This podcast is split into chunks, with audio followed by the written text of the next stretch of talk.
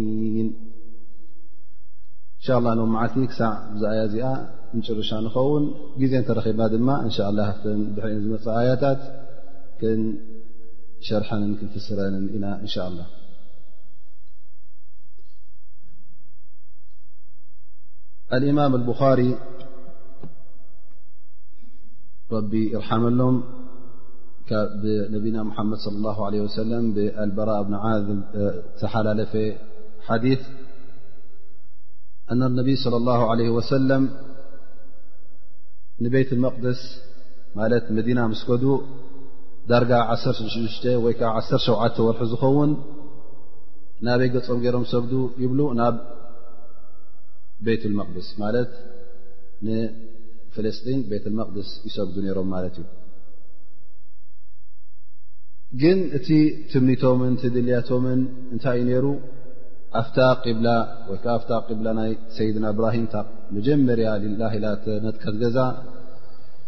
ናብኣ ገፆም ተወጅሆም ክሰግዱ ድልት ነይርዎም ድዓ እውን ይገብሩ ነይሮም ግን ኣላ ስብሓን ወተዓላ ንቤት መቅድስ ገርካ ገፅካ ስገድ ስለ ዝተባህሉ ትእዛዝ ኣላ ስብሓን ወተዓላ ኣኽቢሮም ዳርጋ 16 ወርሒ ይኸውን ወይከዓ 17 ወርሒ ይኸውን ንቤት መቅድስ ሰጊዶም ብድሕሪ እዚ እንታይ ይመፅእ ማለት እዩ ካብ ኣላ ስብሓን ወተላ ትእዛዝ ይመፅእ እዚ ትእዛዝ ድማ ኣብ ክንዲ ንቤት መቅድስ ጌርካ ክትሰግድ ንበይ ንካዕባ ንቤትላ ንመካ ገፅካ ስገድ ዝብል ትእዛዝ ናብ ነቢና ሙሓመድ ለ ላ ለ ወሰለም ይመሓላለፍ ማለት እዩ ዝተመሓላለፈ ነቢ ለ ላ ለ ወሰለም ገፆም ካዕባ ገይሮም ክሰግዱ ይጅምሩ ኣብ ሰዓት እዚ እውን እቲ መጀመርያ ሰላት ዝሰገድዋ ዓስሪ ሰላት ዓስር እያ ነይራ ምስ ነቢና ሙሓመድ صለ ላሁ ለ ወሰለም ሓደ ሰብኣይ ሰጊዱ ዝወፀ ኣብ ካልእ መስጊድ ሰብ ክሰግዱ ይርኢ ማለት እዩ ንሳቶም ድማ ጌና እቲ ወረ ስለ ዘይበፅሖም ሓድሽ ትእዛዝ ካብ ኣላ ስብሓን ወተዓላ ዝወረደ ስለ ዘይበፅሖም ናበይ ገፆም ገይሮም ሰጉዱ ነይሮም ንቅብላ ናቶም ናብ ቤት መቅድስ ገይሮም ዝሰጉዱ ነይሮም ማለት እዩ ስለዚ እዚ ሰብ እዚ መፅኡ ያ በኒ ፉላን በኒ ሰለማ እዮም ነሮም ኣብኡ እቲ ቦታ እቲ ሕጂ እውን እታ ቦትኦም እታ ዝሰጉዱላ ነበሩ መስጊድ ኣብ መዲና ኣላ ማለት እዩ መስጅድ ቅብለተይን ትበሃል ኣነ ሕጂ ምስ ነቢና ሙሓመድ ለ ላ ለ ወሰለም ሰጊደ መፅ እሞ ትእዛዝ ኣላ ስብሓን ወተላ ወሪዱ ኣብ ክንዲ ንቤት መቅድስ ንመካን ካዕባ ይሰገድ ዝብል ትእዛዝ ስለ ዝመፀ እስኹም ሕጂ ንቤት መቅድስ ኹም ሰጉ ዘለኹም ናበይ ገፅኩም ቀይሩ ይብሎም ንመካ ገፅኩም ገርኩም ስገዱ ይብሎም እዚ ሰብ እዚ ድማ ዘብኡ ዘረብኡ ምስ ሰምዑ ናበይ ይሰግዱ ኣብኡ ከለዉ ኣብ ርኩዕ ከለዉ ናበይ ይሰግዱ ይቅይሩ ገፆም ንካዕባ ይቕይሩ ማለት እዩ ፈነቢ ስለ ላሁ ለ ወሰለም ድልቶም ናበይ ዩ ነሮም ዝበልናዮ ከምቲ ሕጂ ኣያ ውን ክትመፅያ ቐድ ነራ ተቀልባ ወጅካ ፊ ሰማእ ፈለንወልየነካ ቅብለተ ተርضሃ እታ ብልቦም ዝደልዋ ዝነበሩ ኣፍታ ቀዳመይቲ ቤትላ እታ ካዕባ ኣፍታ ነብላ እብራሂም ቅድሚ ቤት መቅድስ ተነደቀት ብኣ ዓመት ኣብ ዝሓለፈ ደርስና ዝወሰድናዮ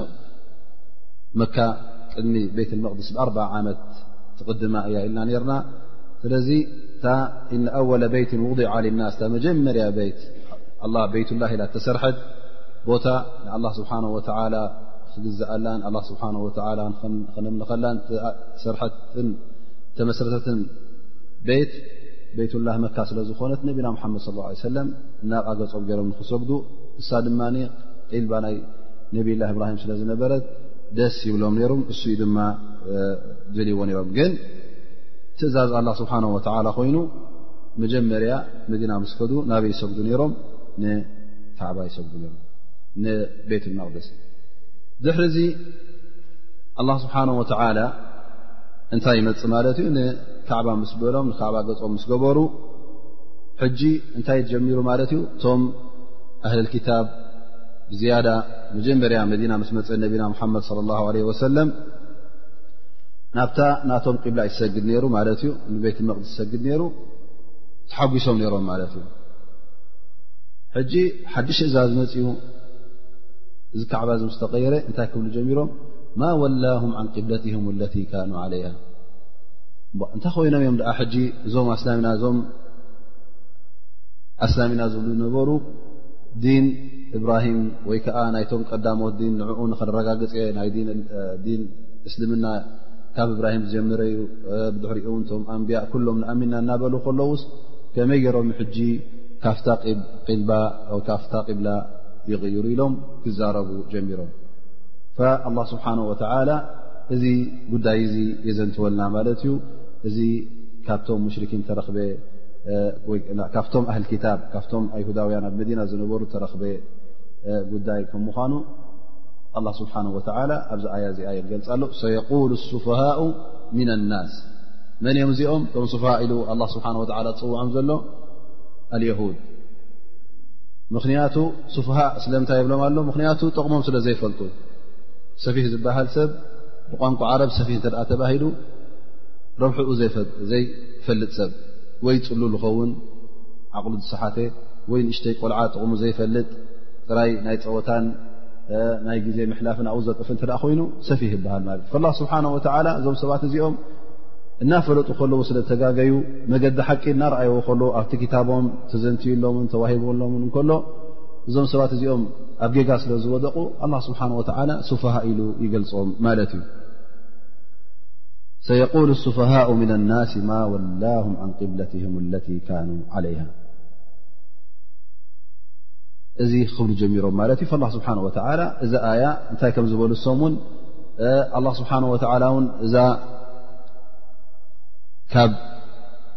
ቤት መቅድስ ንካዕባ መቀየሪኡን ስለምንታይ ከም ዝቀራ እንታይ ዓይነት ሕክማ እንታይ ዓይነት ጥበብ ከም ዘለዎን ኣብቲ ዝመፅእ ኣያታት ይገልፆ ማለት እዩ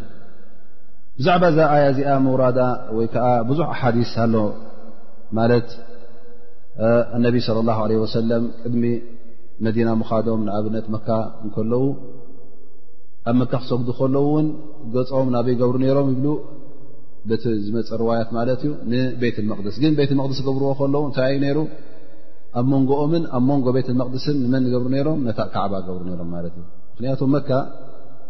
ከም ድላይካ ንምዕራብ ትሰግድ ንምብራቕ ትሰግድ ንሰሜን ትሰግድ ትኽእል ንደቡብ ክትሰግድ ትኽእል ምክንያቱ ካዕባ ምስኻ ስለ ዝኾኑ ድሕር ኣብቲ ቦታ መፅእካ ኩሉ ሸናኻት ቅብላ ክኸውን ይኽእል እዩ ግን መዲና ምስ ከዱ እዚ ጉዳይ እዚ ክርከብ ኣይተኸኣለን ነታ ቤይትላ ኣብ መካ ዘላን ነቲ ኣብ ቤት መቅድስ ዘሎን ክልትኡ ብሓደ ኣጣሚሮም ክገብርዎ ስለ ዘይከኣሉ ኣብ ልቦም ቁሩብ ይስምዖም ነይሩ ማለት እዩ እታ ንኦምን እታ ድልቶምን ናበይ ነራ ማለት እዩ እዛ ቅብላ ተተቕየር ዝብል ሓሳብ ነይርዎም ማለት እዩ ከምኡ ውን ኣህል ቁባ ሕና ኢልና ገሊኦም እናሰገዱ ከለዉ ሰሚዖም ግዜ ዓስሪ ማለት እዩ እናሰገዱ ከለዉ ቀይሮማ ኣብ ቁባእ ዝርከቡ ሰባት መዲና ዝፈልጣ ሰብ ሕጂ ቁባ ኣብ ውሽጢ መዲና እያ ዘላ ቀደም ግን ካብ መዲና ውፅኢ ኢልካ እያ ራ ማለት እዩ ከምዚ ከባቢ ናይ መዲና እያ ግን ሕጂ ኣብ ውሽጢ መዲና እያ ዘላ መስጅድ ቁባ እውን ፍሉጥ እዩ ኩላና መዲና ዝኸር ሰብ ይፈልጦ እዩ ማለት እዩ ሰውንት መጀመርያ ነቢ ስለ ላ ለ ወሰለም ህጅራ ክገብሩ ከለዉ መጀመርያ ዘዕረፍሉ ቦታ ኣብ ቁባ እዩ ነይሩ ኣብዚ ቦታ እዚ እውን መስጊድ ተሰሪሑ ማለት እዩ ስለዚ ቁባ እታ መጀመርያ ነቢ ስለ ላ ሰለ መዲና ክኣትዉ ከለዉ ዘዕረፉላ ቦታ እያ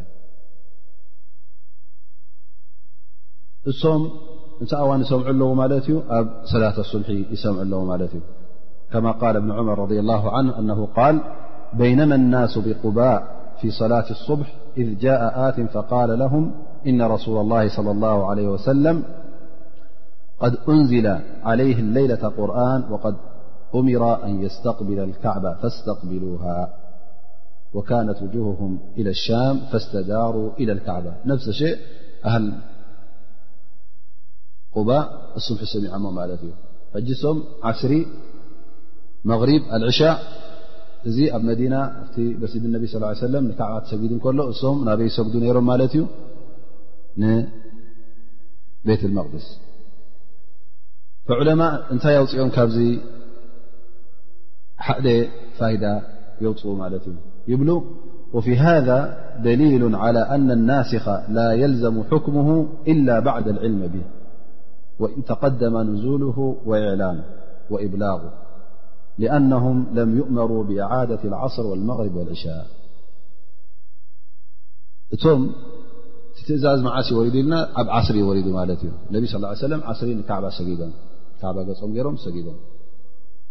እዚ ሕጂ ትእዛዝ ካብ ኣላ ስብሓን ወተላ ወይኑ ግን እቶም ኣብ ቁባእ ነበሩ ዓስሪ ንቤት መቅድስ ገይሮም ሰጊዶም ጥራይ ዓስሪ እውን ኣይኮነን መቕሪብን ኣልዕሻን እውን ትወረ ስለ ዘይመፆም ቲ መልእኽቲ ስለ ዘይመፆም ናበይ ገፆም ሰጊዶም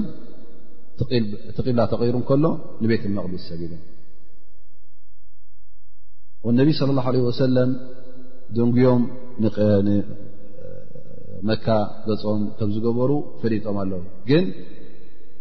ሰላትኩም ድገሙ ስለ ዘይተባህሉ ይብሉ ዑለማእ እንተ ሓደ ጉዳይ ሓደ ናስኽ ማለት ንሓደ ትእዛዝ ነይሩ እዚ ትእዛዝ እ ተሰሪዞ ካልእ ዓይነት ትእዛዝ እተ መፅኡ ካብ ኣላ ስብሓን ወተዓላ እዚ ትእዛዝ እዚ እንተ ናባኻ ዘይበፅሐ ኣይትሕተትን ኢኻ ኣብ ግብሪ ከተውዕሎ መዓስ ኢኻ ተውዕሎ ናባኻ ምስ በፅሐ ዳኣ እምበር እሱ መዓስ ከም ዝወረደ ብዘየገድስ ምኽንያቱ ኣብዛ ጉዳይ እዚኣ ኣብዛ ጉዳይ ናይ ቂብላ እዚኣ እነቢ ስለ ላ ለ ሰለም ነቶም ኣህል ቁባእ ዓስርን መቕሪብን ኣልዕሻን ንቤት መቅድስ ኢኹም ሰጊድኩም እሞ እስኹም እቲ ሰላትኩም እውን ብድሕሪ ትእዛዝ ምውራዱ ናብ ካዕባ ምቅያሩን ስለ ዝሰገድኩም ሰላትኩም ባጥል እዩ እሞ ሰላትኩም ድገሙ ኣይተባሃሉን ስለዚ እንታይ ማለት እዩ እዙ መልእኽቲ ካብ ኣላ ስብሓን ወተላ ምስ ወረደ እንተ ክትሕተት ኮይንካ እቲ መልእኽቲ ናባኻ ምስ በፅሐ ኢኻ ትሕተት ዳኣ እምበር እንድሕር ጌና ዘይበፅሐ ኣሎ ኮይኑ ኣይትሕተትን ኢኻ ይብሉ ዑለማ እዚ ጉዳይ እዚ እዚ ናይ ቂብላ ምቅያራ እውን ኣብ ውሽጢ መዲና ብዙሕ ሕንፍሽፍሽ ወይ ከዓ ብዙሕ ሕሹኽታን ብዙሕ ብውሽጢ ውሽጢ ዘረባታት ክምፅእ ጀሚሩ ማለት እዩ ምክንያቱ መጀመርያ እቶም ኣህለል ክታብ እቶም የሁድ እሶም ነዚ ጉዳይ እዚ ከዋዓውዕዎ ጀሚሮም ማለት እዩ ከመይ ገይሩ እዚ ሰብ እዚ እንተ ናይ ብሓቂ ናይቶም ቀዳሞት ኣንብያ ንኦም ነቲ ዲኖም ዘረጋግፅ ዲን ሒዘ የመፅ እተ ዝብል ኮይኑ ከመይ ገይሩ ሎም መዓልቲ እታ ዝሰግዳ ዝነበረ ሰላቱ ዝቕይራ ንቤት መቅድስ ዝነበረ ኩላህና ንፈልጦ ኣብ ክርስትያን ይኹን ኣብ ኣይሁዳውያን ኣብ ግዜ ሙሳ ኣብ ግዜ ዒሳ ዝነበረ እታ ቅድስቲ ዓዲ ናብኣ ትሰግድ ነበረስ ስለምንታይ ቀይሩ እሞ ሕጂ ስንሳ ዘይተቅዲ ዘይ ቅድስቲ ኮይና ድያ ወይ ስንታይ ክብሉ ይጅምሩ ማለት እዩ ነቶም ሙናፍቂን እውን ንዕኦም ን ክንቀሳቅስዎም ይጅምሩ ማለት እዩ ኣንቲሱቅ ኢሉ ዩ እቶም ሙናፍቂን እውን ይንቀሳቀሱ ማለት እዩ ብዝያዳ ሶም እቲ ኢማን ብደገደገ ይሓዝዎ ዳኣ እምበር ብውሽጢ ልቦም ናይ ብሓቂ ኢማን ስለ ዘይነበሮም እዚ ጉዳይ ምስ ተረኸበ ዝያዳ እውን ነዚ ነገር እዚ የወዓውዕዎ ማለት እዩ ሕጂ ነቶም ናይ ብሓቂ ኢማን ዘለዎም ንዕኦም ጥርጥር ከእትውሎም ንዕኦም ከሸግርዎም ወይ ከዓ ዘረባ ከብዝሑ ይጅምሩ ማለት እዩ ማ ወላሁም ዓን ቅብለትህም ለቲ ካኑ ዓለይሃ እቲኣስ ሕጂ እንታይ ኮይነ ኣገዲፎማ ኢሎም ክዛረቡ ይጅምሩ ማለት እዩ እሞቶም ቅድሚ ሕጂ እቶም ኣስላም ንቤት መቅዲ ዝሰጉ ዝነበሩ እንታይ ክኾኑ እዮም ማለት ሰላቶም ባጥል ማለት ድዩ ከመይ ድኣ ክገብሮም ዩ ኣላ ስብሓን ወላ ክብል እዚ ዘረባታት እዚ ኣብ ውሽጢ እቶም ህብረተሰብ ኣስላም ከወዓውዕዎ ይጅምሩ ማለት እዩ ላ ስብሓን ወላ ነዚ ጉዳይ እዚ መልሲ ሒዙ የቅርብ ነቢና ሓመድ ስ ለ ሰለም እንታይ ኢሉ ክምልስ ከም ዘለዎ ኣላ ስብሓን ወላ ሓበሬታ ይህቦም ማለት እዩ ፈየቁል ላ ስብሓን ወተላ ቁል ልላህ መሽርቅ ወልመغርብ ያ ሙሓመድ እንታ ሙሓመድ ነዞም ሰባት እዚኦም ነዞም ሱፍሃ ነዞም ኣደብ ዘይብሎም ሰባት ትእዛዝ ኣላ ስብሓን ወተላ ዘየኽብሩ ምብራቕ ይኹን ምዕራብ ይኹን ማለት ዝኾነ ሸነኽ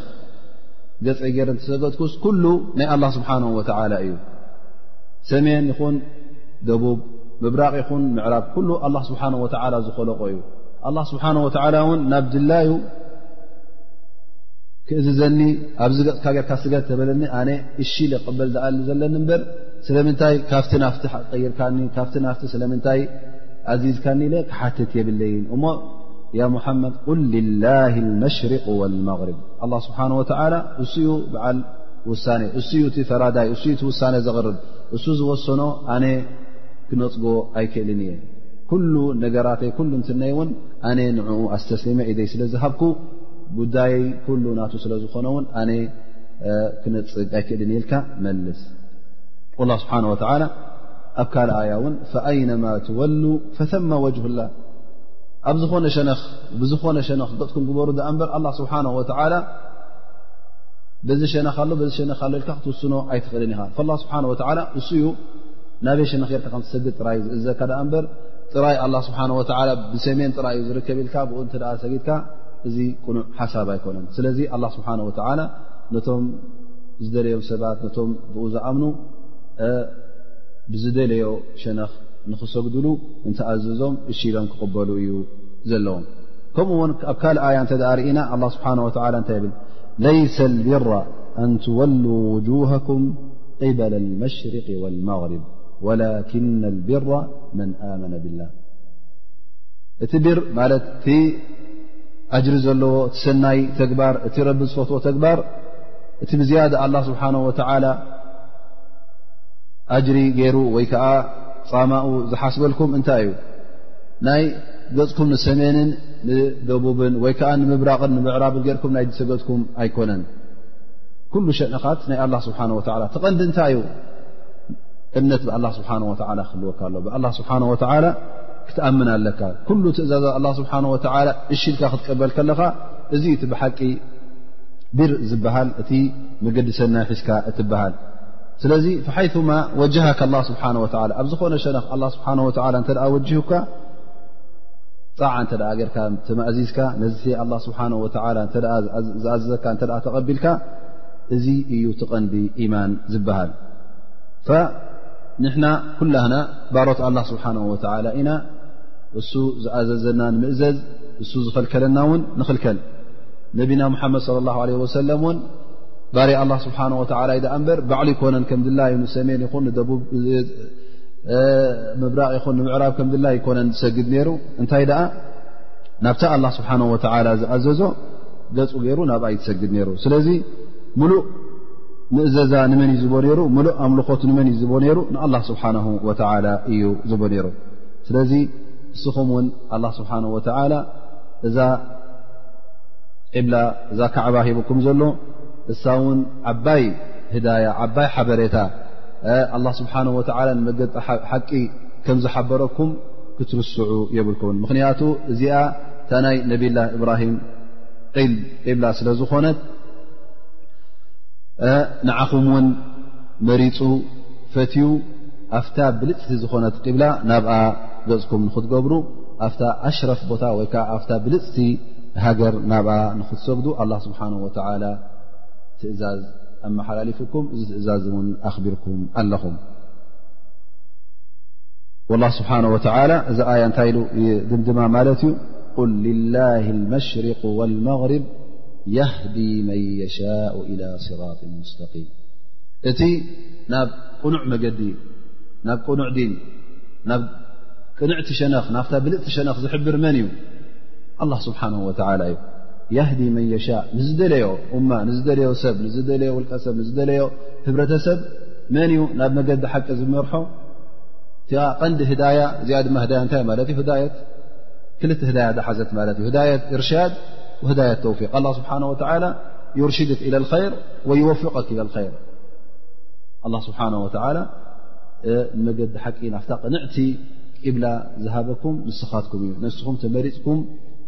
ኣንቱም ሙእምኒን ኣንቱም ኣስላም ካብታ ናይቶም ቅድሜኹም ዝነበሩ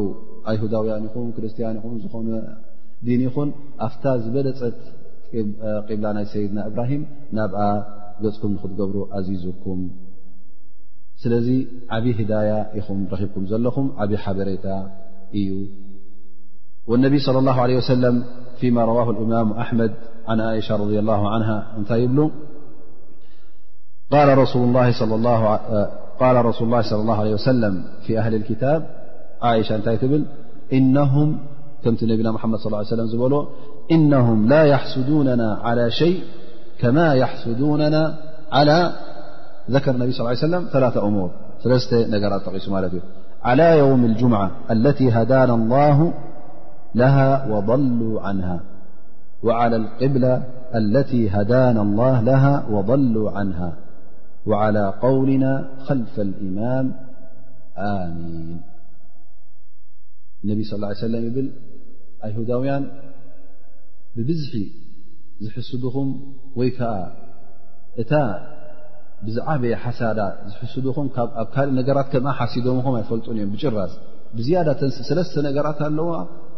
ንዕእን ከምእን ገይሮም ሓሲዶምኹም ኣይፈልጡን እዮም እንታይ እየን ያ ረሱላ ላ እዚአን ድማ ሰለስተ ነገራት ትጠቅስ ማለት እዩ ነቢ ስ ሰለም ቀዳመይቲ ዮውም ልጅምዓ ጅምዓት እታ ዒድ ሰሙናዊ ዒድ ዝኾነት ንዓኹም ተዋሃብኩማ ኣላ ስብሓን ወተላ ንዓኹም ዝሓበረኩም እሶም ደልዮም ደልዮም ኣብ ቀዳም ወዲቖም ቀዳም ድማ ክብርቲ መዓልቲ ይኮነትን ኣብ ቅድሚ ኣብ ዓይኒ ላ ስብሓን ወላ እታ ዒድ ዮም ልጅምዓ ከምቲ ነቢና ሓመድ ص ሰለ ዝበሎ ፊሃ ኹሊቃ ኣደም ኣብ ሰይድና ኣደም ተኸሊቁ ኣብኣ ውን ዮም ያማ ክትከውን እያ ብዙሕ ፈድሊ ኣለዋ ኣብኣ ውን ሰዓት ጃባ ኣላ ዮም ጅምዓ ስለዚ እዚ ፈድሊ እዚ ወይከዓ እዚ ብልፀት እዚ ኣብ ዮም ጅምዓ እዩ ዘሎ ኣብ ቀዳሚ የለ ኣብ ሰንበት የለ ክርስትያን ተጋጊኦም በዓሎም ኣበይ ገይሮማ ሰንበት ኣይሁዳውያን ውን ኣብ ቀዳም ግን እታ ኣላ ስብሓን ወተላ ብቐደማ ሰማይን መሬትን ክኸልቕ እንከሎ ክብርቲ መዓልቲ ገይሩ ዒድ ገይሩ ዝኸለቓ ኣይነይቲ መዓልቲ እያ መዓልቲ ጅምዓት እያ ላ ስብሓን ወላ ሃዳና ናብኣ ንዓ ንኸንብዕል ወይ ከዓ ዒድ ገርና ይንክኑ ዒድና ንክትከውን ኣላ ስብሓን ወተላ ንዓና ወፊቑና ንዓና ኣስሚሩልና ስለዚ እዚኣ ብጣዕሚ ተጉህዮም እያ እውን እሶም ስካብኣ ዝተጋገዩ ንሕና ስለ ዝረኸብና እያ ዓላ ቅብላ ለቲ ሃዳና ኣይን ቅብላ እውን እታ ዝበለፀት ቅብላ ንሕና ኢና ሒዝናዮ ዘለና ምኽንያቱ እሶም ን ንገዛእ ርእሶም ኣይሁዳውያን ይኹኑ ክርስትያን ይኹኑ እንታይ እዮም ዝብሉ ንሕና ተኸተልቲ ናይቶም ቀንዲ ኣንብያ ኢና ካብ ናና ሃይማኖትና ካበይ ዝጅምር ይብሉ ካብ ነብላ እብራሂም እንተ ካብ ነብላ እብራሂም ዝጅምር እተ ኮይኑ እታ ነብላ እብራሂም ዝመስረታ ቀንዲ ቂብላ ወይ ከዓ ቀንዲ ቤትላ ስብሓ ናይ ኣላ ቤት ቤት ኣላ ስብሓ ወላ ኣይነትያ እታ ኣብ መካ ዝነደቓ ምስ ወዱ እስማዒል ኮይኑ ስለዚ ኣላ ስብሓ ወላ ንዓና ውን እዛ ቂብላ እዚኣ ገይሩልና ማለት እዩ ሳልሰይቲ ድማ ካብ ብጣዕሚ ዝሕስድኹም እታ ኸልፊ ኢማም ኮይንኩም ኣብ ሰላት ኣልሓምዱላ ረብዓለሚን ሱረት ፋትሓ ተቐሪኣ ወለ ሊን ኢሉ ኢማም ምስ ጨረሰ ኩልኹም ኣሚን ክትብሉ ከለኹም እዚኣ ውን ብጣዕሚ ይሕስድኹም እዮም ኢሉ ነቢና ሙሓመድ ለ ላ ለ ወሰለም ይሕብረና ማለት እዩ ስለዚ ንሕና ኣልሓምዱላ ፈضል ን ላ ኮይኑ ባዕልና ብክእለትና ይኮነና ምፅእናዮ ግን ኣላ ስብሓን ወተላ ንዓና ብልፅቲ እማ ገይሩ ኸይረ ልእመም ገይሩ ኣብዘን ሰለስተ ነገራት ወፊቑና ኣብዘን ሰለስተ ነገራት እውን ኣይኮነን ኣልሓምዱላ መገዲ ሓቅት ሒዙ መገዲ ኢማናት ሒዙ ብኣላ ስብሓን ወላ ኣሚና ብነቢና ሓመድ ለ ሰለም ኣሚና በቲ ኩሉ ትእዛዛት ኣላ ስብሓን ወላ ተማእዚዝና ክንከይድ ከለና እዚ ዓብዪ ሽሻይን ዓብ ፀጋን ስለ ዝኾነ ንኣላ ስብሓን ወተዓላ ከነመስግኖን ክንውድሶን ይግባእ እዛ እማ ድማ ብልፅቲ እማ እያ ላ ስብሓን ወላ እንተ ድሕሪ ዛኣያ እዚኣ ብዝያዳ ትብልፀታ ክጠቅስ እንከሎ ኣላ ስብሓን ወተላ ርኢና ኢና እታ መጨረሻ ኣያ እንታይ ኢሉ የህዲ መን የሻ ኢላ ስራጥ ሙስተቂም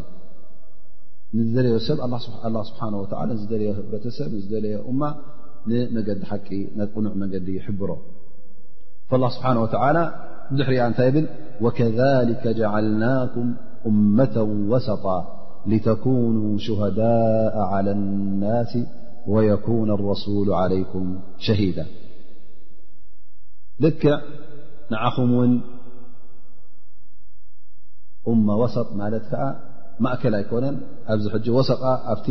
ትርጉም ማእከላይ ማለት ትኸውን ግን ዕለማ ነዚኣ ክትርጉማ ከለዉ ወሰጠን ማለት ሲ ብልፅቲ ማለት እዩ ብልፅቲ እማ ሕርይቲ ምርፅቲ ማለት እዩ ክያሩ እመም እዚ ሕጂ እንታይ ዘርኢ ዘሎ ከምዚ ዕለማ ዝብሎ ስብሓ እንታይ ብ እነማ ሓወልናኩም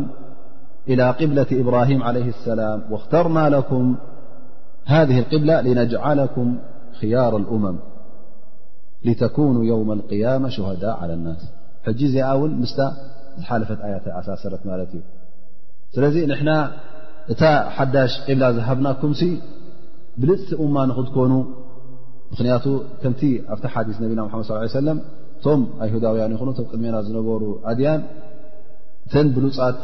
ካብ ብልፅቲ ቂብላ ኣይረኸብዋን ናብታ ብልፅቲ ቅብላ ኣይሰገዱን ተዋሂቦም እዮም ቅብላወ ንቤት መቅድስ ግን እታ ዝበለፀት ኣይነይቲያ ንዓና ሒዙልና ዝፀንሐ ኣላ ስብሓን ወላ ንእስላማይ ሒዙሉ ዝፀንሐ ካዕባ እያ ስለዚ ንሕና ካብታ ቤት መቅድስ ናብታ ቤት ኣላ ስብሓን ወላ ኣብ መካ ትርከብ ካዕባ ዝቀየርናኩም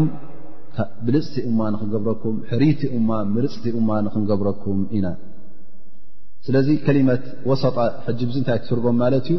ብብልፅቲ ትትርጎም ማለት እዩ ኣነ ፊ ከላም ዓረብ ሕጂ እንታይ የብሉ ቁረይሽን ኣውሰጡ ዓረብ ማለት ካብታ ሕርትን ብልፅትን ዝኾነት ቀቢላታት ናይ ዓረብ እያ ራ ከምኡ ውን ነቢና ሓመድ ስ ሰለም ኣብ ሲራ ገለ ክተንብብ ከለኻ እንታይ የብል ካነ ረሱሉ ላ ለ ላ ለ ወሰለም ወሰጣ ፊ ቀውም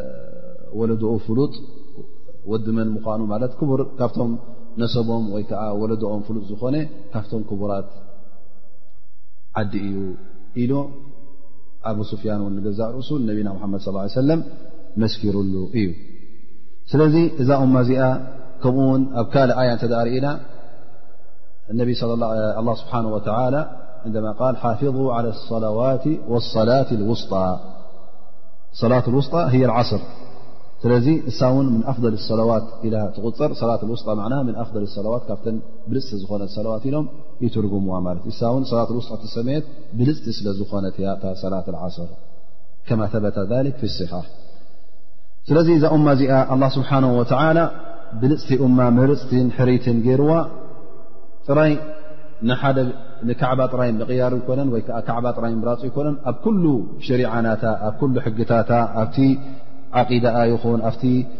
ሸሪዓታት ዝሃባ እውን ኩሉ ብሉፅን ምሩፅን ገይሩላ እዩ እቲ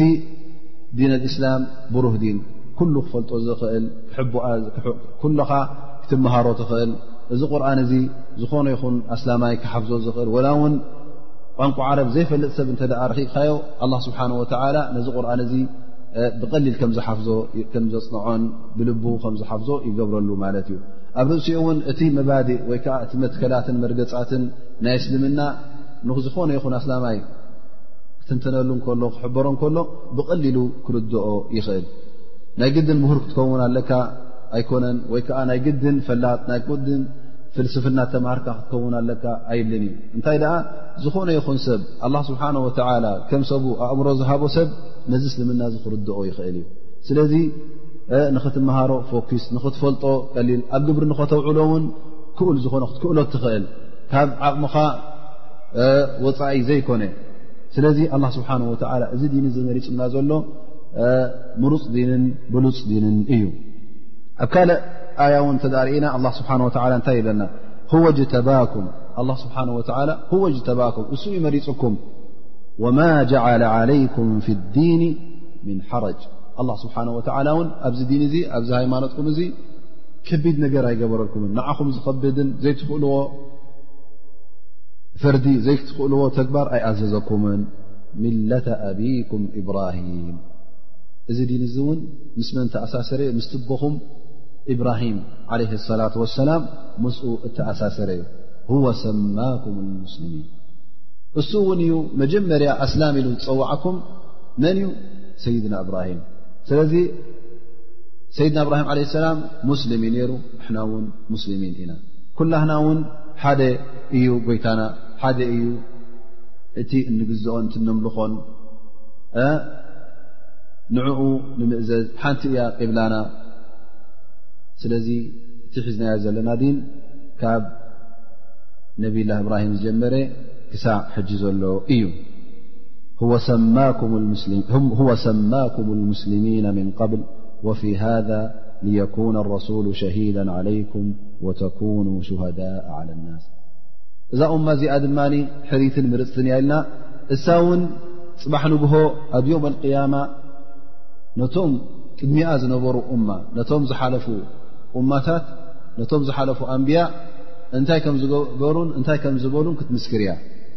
እነቢ ስለ ላሁ ለ ወሰለም ነዛ እማ እዚኣ እሱ ክምስክር እዩ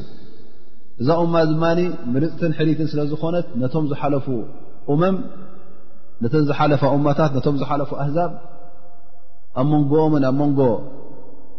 ኣንብያታቶምን ኣብ ዮም ቅያማ ክትዕ እተ ተረኺቡ መን እዩ ዝምስክር ሽዑ እዛ እማ እዚኣ እመት ሙሓመድ እሳ እያ እትምስክር ኣልእማሙ ኣሕመድ ራማ ላ ረዋ ን ኣቢ ሰዒድ - قال النبي صلى الله عليه وسلم يدعى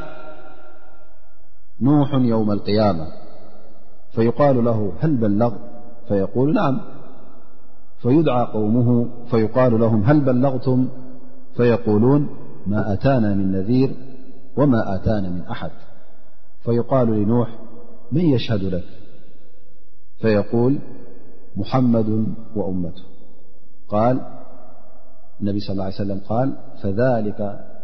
قوله تعالى وكذلك جعلناكم أمة وسطا لتكونوا شهداء على الناس والوسط العدل فتدعون فتشهدون له بالبلاغ ثم أشهدوا عليكم أبكال حديثنا ه الإمام أحمد ب تمسال سيدنا نحيا مالت حديث ئة كال حديث يقول النبي صلى الله عليه وسلم - يجيء النبي يوم القيامة ومعه الرجلان وأكثر من ذلك فيدعى قومه فيقال هل بلغكم هذا معناها نبيكم هل هذا نبيكم بلغكم فيقولون لا فيقال له هل بلغت قومك فيقول نعم فيقال من يشهد لك فيقول محمد وأمته فيدعى محمد وأمته فيقال لهم هل بلغ هذا قومه فيقولون نعم فيقال وما علمكم فيقولون جاءنا نبينا صلى الله عليه وسلم فأخبرنا أن الرسل قد بلغوا فذلك قوله عز وجل وكذلك جعلناكم أمة وسطا أي عدلا لتكونوا شهداء ዓላ ናስ ወየኩነ ረሱሉ ዓለይኩም ሸሂዳ ኣብ ዮም ኣልቅያማ ኣንብያ መቸም ከምቲ ነቢና ሓመድ ስ ሰላ ብዙሕ ሓዲስ ዝበሎ ገለ ኣንብያ ዓሰርተ ገለ ኣንብያ ዒስራ ገለ ኣንብያ ሓደ ገለ ኣንብያ ክልተ ገለ ኣንብያ እውን ጥራይ ኢዶም ዝኽተሎም ዘየለ ይመፁ ማለት እዩ ሰይድና ኖሕ ይኹን እቶም ንሕና ኣንብያ ንፈልጦም ባስማቶም ካልኦት እውን ኣንብያ ኣለዉ ኣላ ስብሓን ወተላ ኣስማቶም ዘይነገረና ግን ብሓፈሽኡ ኣንቢያ ከም ዝነበሩ ከም ተለኣኹ እቲ ኣላ ስብሓን ወተላ ዝበሎም ውን መልእኽቲ ከም ዘብፅሑ ምሩፃት ከም ዝነበሩ እዚ ኩሉ ነቢና ሓመድ ስ ሰለም ኣብ ቁርን ይኹን ኣብ ሱና ይኹን በሪሁልና እዩ ኣብ ዮም ቅያማ እንታይ ይርከብ ሕጂ ሽዑ ይሕተቱ ማለት እዩ ኣላ ስብሓን ወተላ ፈርደካ ከሎም ኩሉ ሰብ ተሓቲቱ በዓል ጌጋ ብጌግኡ ተኣሚኑ እንተ ጌጋ ኣለዎ ኮይኑ ወይ በዓል ጌ ኣላ ስብሓን ወተላ እተ ምሒርዎ ፅቡቅ ተዘይመሓሮ እውን ይቕፃዕ ማለት እዩ በዓል ር በዓል ሰናይ እተ ኮይኑ ድማ ኣላ ስብሓን ወተላ ብራሕመቱን ብርህራይኡን ንጀና የእትዎ ኣብዚ ሰዓት እዚ መፂኦም ይሕተቱ ማለት እዩ እቶም መገዲ እተጋገዩ ማለት እዩ ንዑ እስኹም ያ ቀውም ኖሕ ያ ቀውም ሳልሕ ወያ ቀውም ሁድ ንዑስኪ ኢሎም ይሕተቱ ማለት እዩ እስኹምሲ ንኣላ ስብሓን ወተላ ዘይመግዝዒኹም መገዲ ሓቂ ዘይመትሓዚኹም ሲ እንታይ ኮንኩም ኢኹም ነዚ ነገር እዚ ዘርእኩም ሰብ ኣይመፃኩም እንድዩ መገዲ ሓቂ ዘብርሃልኩም ነቢ ኣይመፃኩም እ ኢሎም ይሕተቱ ማለት እዩ እዞም ሰባት እዚኦም ድማ ገና ኣብ ዱንያ ከይኣክሎም ሕሶት ኣብ ዮም ያማ ክሕሱ ይጅምሩ ማለት እዩ ፈየቁሉን ማ ኣታና ምን ነዲር ማ ኣታና ምን ኣሓድ ዝመፀና የብልናን ዘጠንቀቐና የብልና እዚ ኹሉ ንፈልጦ ኣይነበርናን ሕነ ሓድሽ እዚ ነገር እዚ ሕጂ ንሪኦ ኣለና ኢሎም ክሕስቡ ይጅምሩ ማለት እዩ እዚኣ ሕሶት ተውፅኦም መሲልዎም ማለት እዩ እበር ከምዘይተውፅኦም ውን ይፈልጡ ኣለዉ ግን ምናልባ ይፍትኑ ማለት ሕነ ሓንቲ ይሰማዕናን ሓንቲ ይርአናን ወላ እሱ ተመፀውን ኣይረእናን ክንብሎ ኢና ኣይብተዛረብካናን ኢልና ንመልሶ ማለት እዩ መን መስክረልካ ኢሎም ይተኣማመኑ ማለት እዩ እነቢ ኣላ ስብሓን ወተላ ነቲ ነቢይ ይፅውዖ ማለት እዩ ንኑሕ ይኹን ንሙሳ ይኹን ንሳልሒ ይኹን ንዝኾነቶም ኣንብያ ብብሓደ ፅውዖ ማለት እዩ ፍረዱ ዮም መዓልቲ እዚ ኩላ ትፍረድ ማለት እዩ ስቁኢልካ ብጃምላ ዝጭረስ ኣይኮነን ኣላ ስብሓን ወተላ ፍትሐኛ ስለ ዝኾነ ፍትሕናት እውን ኣብ ዮም ልቅያማ ኩሉ እተ ሕቶ ኣለካ ኮይኑ እተ ትነፅጎ ኮንካ ነቲ ፍርዲ ን ተዛረብ ትበሃል ኢኻ ወይ ብጌጋኻ ትእመን ወይ ከዓ እተ ጌጋ ዘይብልካ ኮንካ ውን እቲ ዝገበርካዮ ሰናይ ተራእዩ ናብ መገዲ ሓቂ ትመሓላልፍ ንዑ በሉ ንሕተቶ ይበሃል ነቲ ነብ ይሕተት ያ ፍላን እዞም ሰባት እዚኦም ኣይነገርካናን ኣየጠንቀቕካናን መገዲ ሓቂ ሓበርካናን ይብሉ ኣለዉ እሞ ስኻስ ተተኣዘዝካዮ ኣየብፃሕካን ዲኻ ይብሎ ላ ስብሓን ወተላ ይሓቶ ማለት እዩ ፈዚ ነብ ዙ ኣብፂሐ እምበር ኣነ ኩሉ ኣላ ዝበልካኒ ከምታ ዘርኣኻኒ ከም ዝበልካኒ ኣብፂሐ እየ ይብል ማለት እዩ ኣላ ስብሓን ወተላ እሞ ንዓኸ ኣ መን ክምስክረልካ ሕጂ ከም ዘብፃሕካ ህዝብኻ ኩሎም ክሒዶምኻ እዮም ኣይተዛረበን ኣይነገረናን ይብልካ ኣለዉ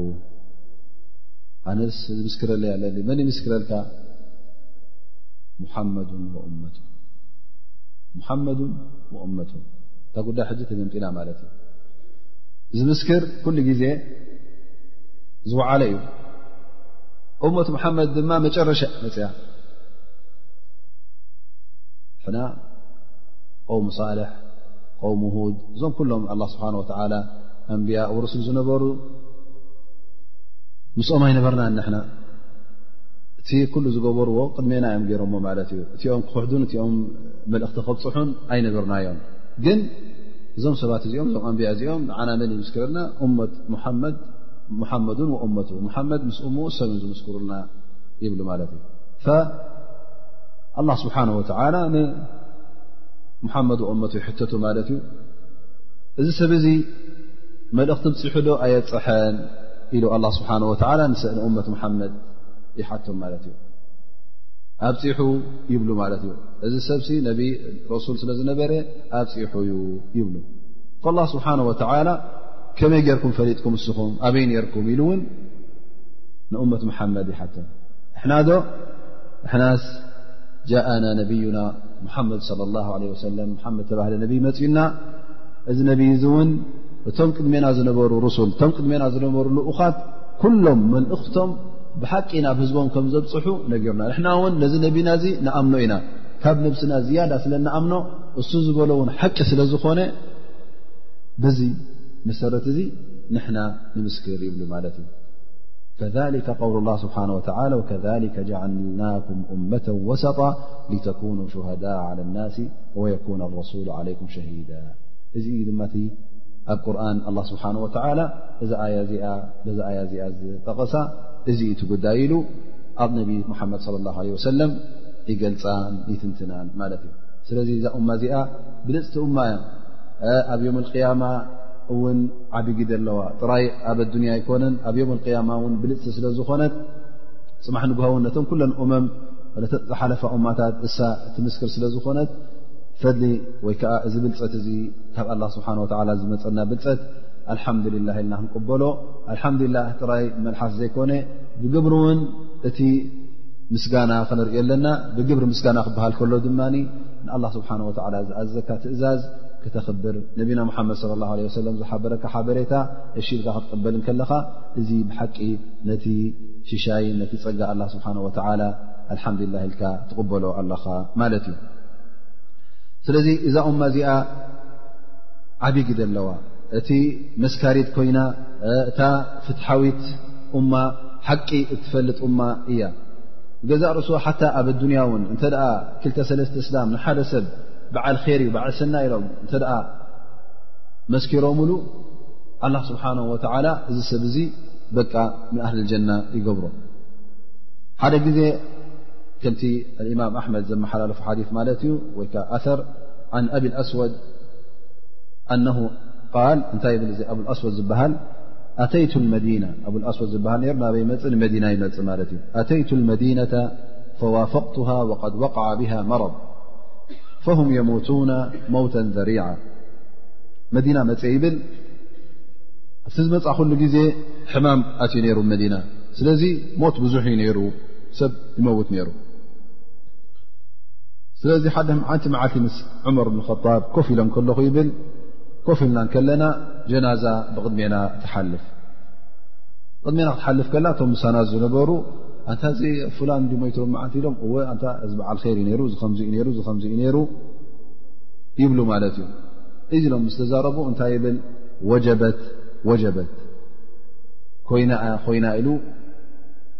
ይሐልፋ ማለት እዩ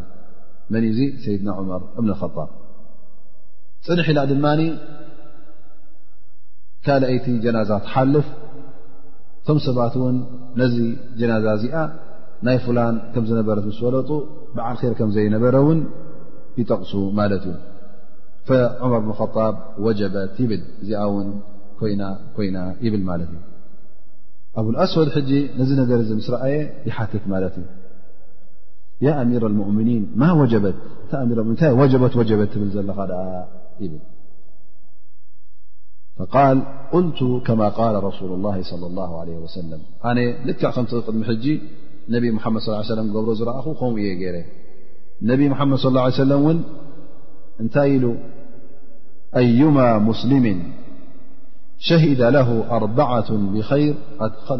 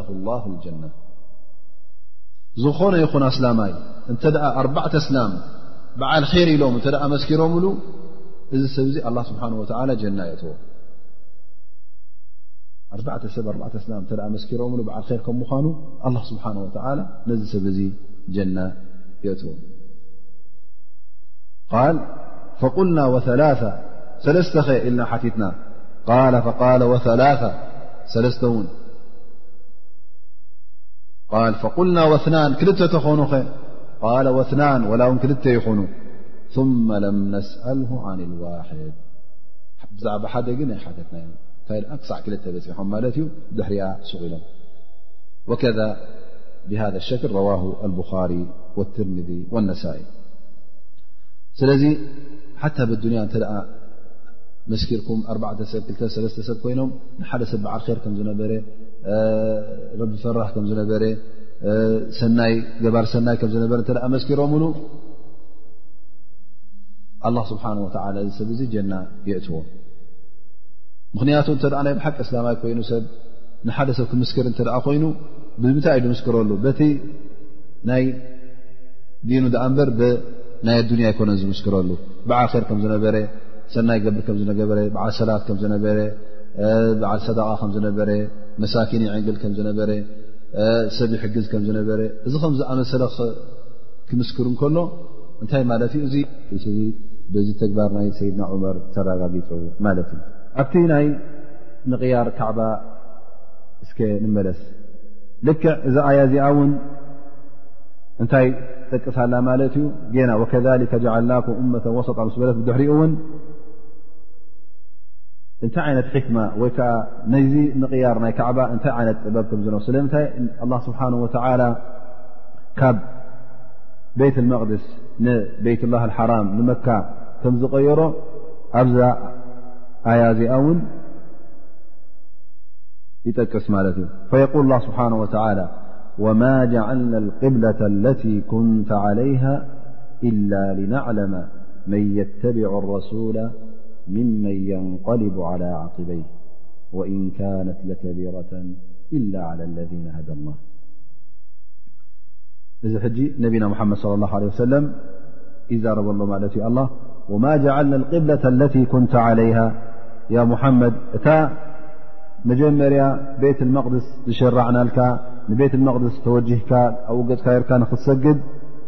ዝኣዘዝናካን ብድሕሪኡ ድማ ካብኣ ንካዕባ ገፅካ ጌርካ ንክትሰግድ ዝኣዘዝናካ ስለምንታይ እዩ መስለካ ኢላ ናዕለመ መን የተቢዑ ረሱላ ምመን የንቀሊቡ ዓላ ዓቅበይ ኣብዚ ጉዳይ እዚ መን እዩ እቲ ብሓቂ ኣሚኑ ዘሎን እቲ ብሓቂ ዘይኣመንን መን እዩ እቲ ብሓቂ ነቢ ምዃንካ ዝክተለካ ዘሎን መን ዩ ከቲ ሙናፍቅ ንዕኡ ንኸነሪ ንኡ ንኸነመኒ ንኡ ንኽረአን ንኽፍለጥን ኢልና ዝገበርናዮ እዩ ምኽንያቱ ኣብዚ ሰዓት እዚ እንተ ደኣ ብሓቂ ነቢና ሙሓመድ صለ ላه ለ ወሰለም ተኣመን ነርካ ኮንካ እንተ ኣ ብሓቂ ነቢና ሙሓመድ ص ሰለም ነብዩ እቲ ዝመፅ ትእዛዝ እውን ካብ ኣላ ስብሓን ወላ እሱ እውን ኣይሕሱን እዩ ትእዛዝ ዝኾነ ይኹን ትእዛዝ ካብ ኣላ ስብሓን ወተዓላ ክመፅ ከሎውን ብቐጥታ ኣብ ግብርን ብቐጥታ ድማ ናብቶም ብፆቱን ከም ዘመሓላልፎን ዝኣምን እንተ ደኣ ኮይኑ ወላ እውን ታሰላት ተሪፋ ትበሃል ወላ እውን ኣይኮነን ዶ ንቤይትላህ ንካዕባ ኣይኮነን ወላ እውን ናብ ካልእ ቦታ ናብ ካልእ ሸነኽ ክስገድ ኣለዎ እንተ ደኣ ኢሉካ ንዑ ክትክተል ኢኻ ግን እንተ ኣብ ልብኻ ገለ ነይሩ ኮይኑ ናይ ብሓቂ እቲ እምነትካ ተሪር እምነት እንተዘይነይሩ ፎኪስ እምነት እንተ ኮይኑ ግን እንታ ክትገብር ኢኻ ክተዝሓቕ ፈጢኻ ማለት እዩ ንድሕሪ ክትምለስ ኢኻ ምናልባሽ ካብቶም ኣይሁዳውያን ሓደ ክልተ እባ እሞ ንቅብላና ተሰገደስ እሞ ገለ ኢሎም ንሙጃመላ ወይ ከዓ ጥቓን ጥቓ ኢና ዘለና ኢሎም ዝኣተዉ ነይሮም እተኣ ኮይኖም ወይ ከዓ ንግዜኡ ኣይንፍለጥን ኢና እሞ ዋላ እናሰገድና ከለና እውን በቲ ሓደ ሸነኽ ምስኡ ዝሰግድ ዘለና ኣምሲልና ንቂብላ እናርኣና ከለና ናህና ሰላት ነቲ ዲና በቲ ዲና ነስገድ ኢሎም ምናልባሽ ብኡታት ይነብሩ ነይሮም ይኹኑ ሙናፍቒን ተመሲሎም ማለት ከዓ ኣስላም ተመሲሎም ሙናፍቒን ሙእምኒን ተመሲሎም ኢማን ዘይብሎም እተ ነይሮም ኮይኖም ኣብዚ ሰዓት እዚ ክምመዩ እዮም ኢላ ናዕለማ መን የተቢዑ ረሱላ እቲ ነቢና ሓመድ ስ ሰለም ዝኽተልን እቲ ንድሕሪት ዘድሓርሕርን ዝምለስን ምመ የንቀሊቡ ዓላ ዓቂበይ ልክዕ ከም ስንቲ ገመል ኣብ ክንዲ ንቕድሚት ዝግስግስ ናበይ ናብቲ ዝነበሮ ክሕደትን ናብቲ ዝነበሮ ክፍርን ንዝምለስን ንኽንርእን ንኽንፈልጠኢና ኢሉ ኣላ ስብሓን ወተዓላ እቲ ሕክማ እዚ ምዃኑ ይገልፅ ማለት እዩ ስለዚ እዚ ጉዳይ እዚ እውን ከምቲ ኣላ ስብሓን ወተላ ዝበሎ ወእን ካነት ለከቢራ እዚ ጉዳይ እዚ እውን እዚ ካብ ቤት መቅድስ ንካዕባ ምቕያሩ ትቕብላ እውን ቀሊል ነገር ኣይኮነን ዓብ ነገር እዩ ምኽንያቱ ሰብ ምናልባሽ ከመይ ጌርና ተቐይርና ኢሉ እውን ክሓትት ትጅምር እዩ ኪኣስ ጌጋ ነራ ማለት ኮይና ጌጋ ተነራ ድማ ከመይ ገይሩ ነቢ ከሎ ንጌጋ የስግደና ነይሩ እሞ እዚኣ ኸ ሓድሽ ወረድ ኢልካ እዚ ነገራት እዚ ንኸይርከብ ማለት እዩ ስለዚ እንታይ እዩ ዘድልየካ ናይ ብሓቂ ኢማን ክህልወካ ኣለዎ ማለት እ ናይ ብሓቂ ኢማን ዘለዎ እዚ ሕቶታት እዚ መፆን እዩ ማለት እዩ እንተመፆ እውን ኣነ ባርያ ኣላ ስብሓን ወተላ እሱ ዝኣዘዘኒ ገፀይ ወጅሀ ዝሰግድ ኢሉ ነዚ ጥርጠራ እዚ ክነፅጎ ይኽእል ማለት እዩ ስለዚ ዝኾነ ይኹን ወላ እውን ቅድሚ ሕጂ ዝኣዘዘ ኣላ ስብሓን ወተላ ሓደሓደ ግዜ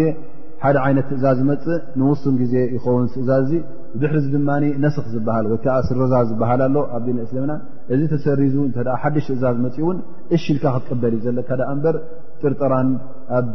ጥርጠራን ኣብ ዘይከውን ሃተውተውን ክኣ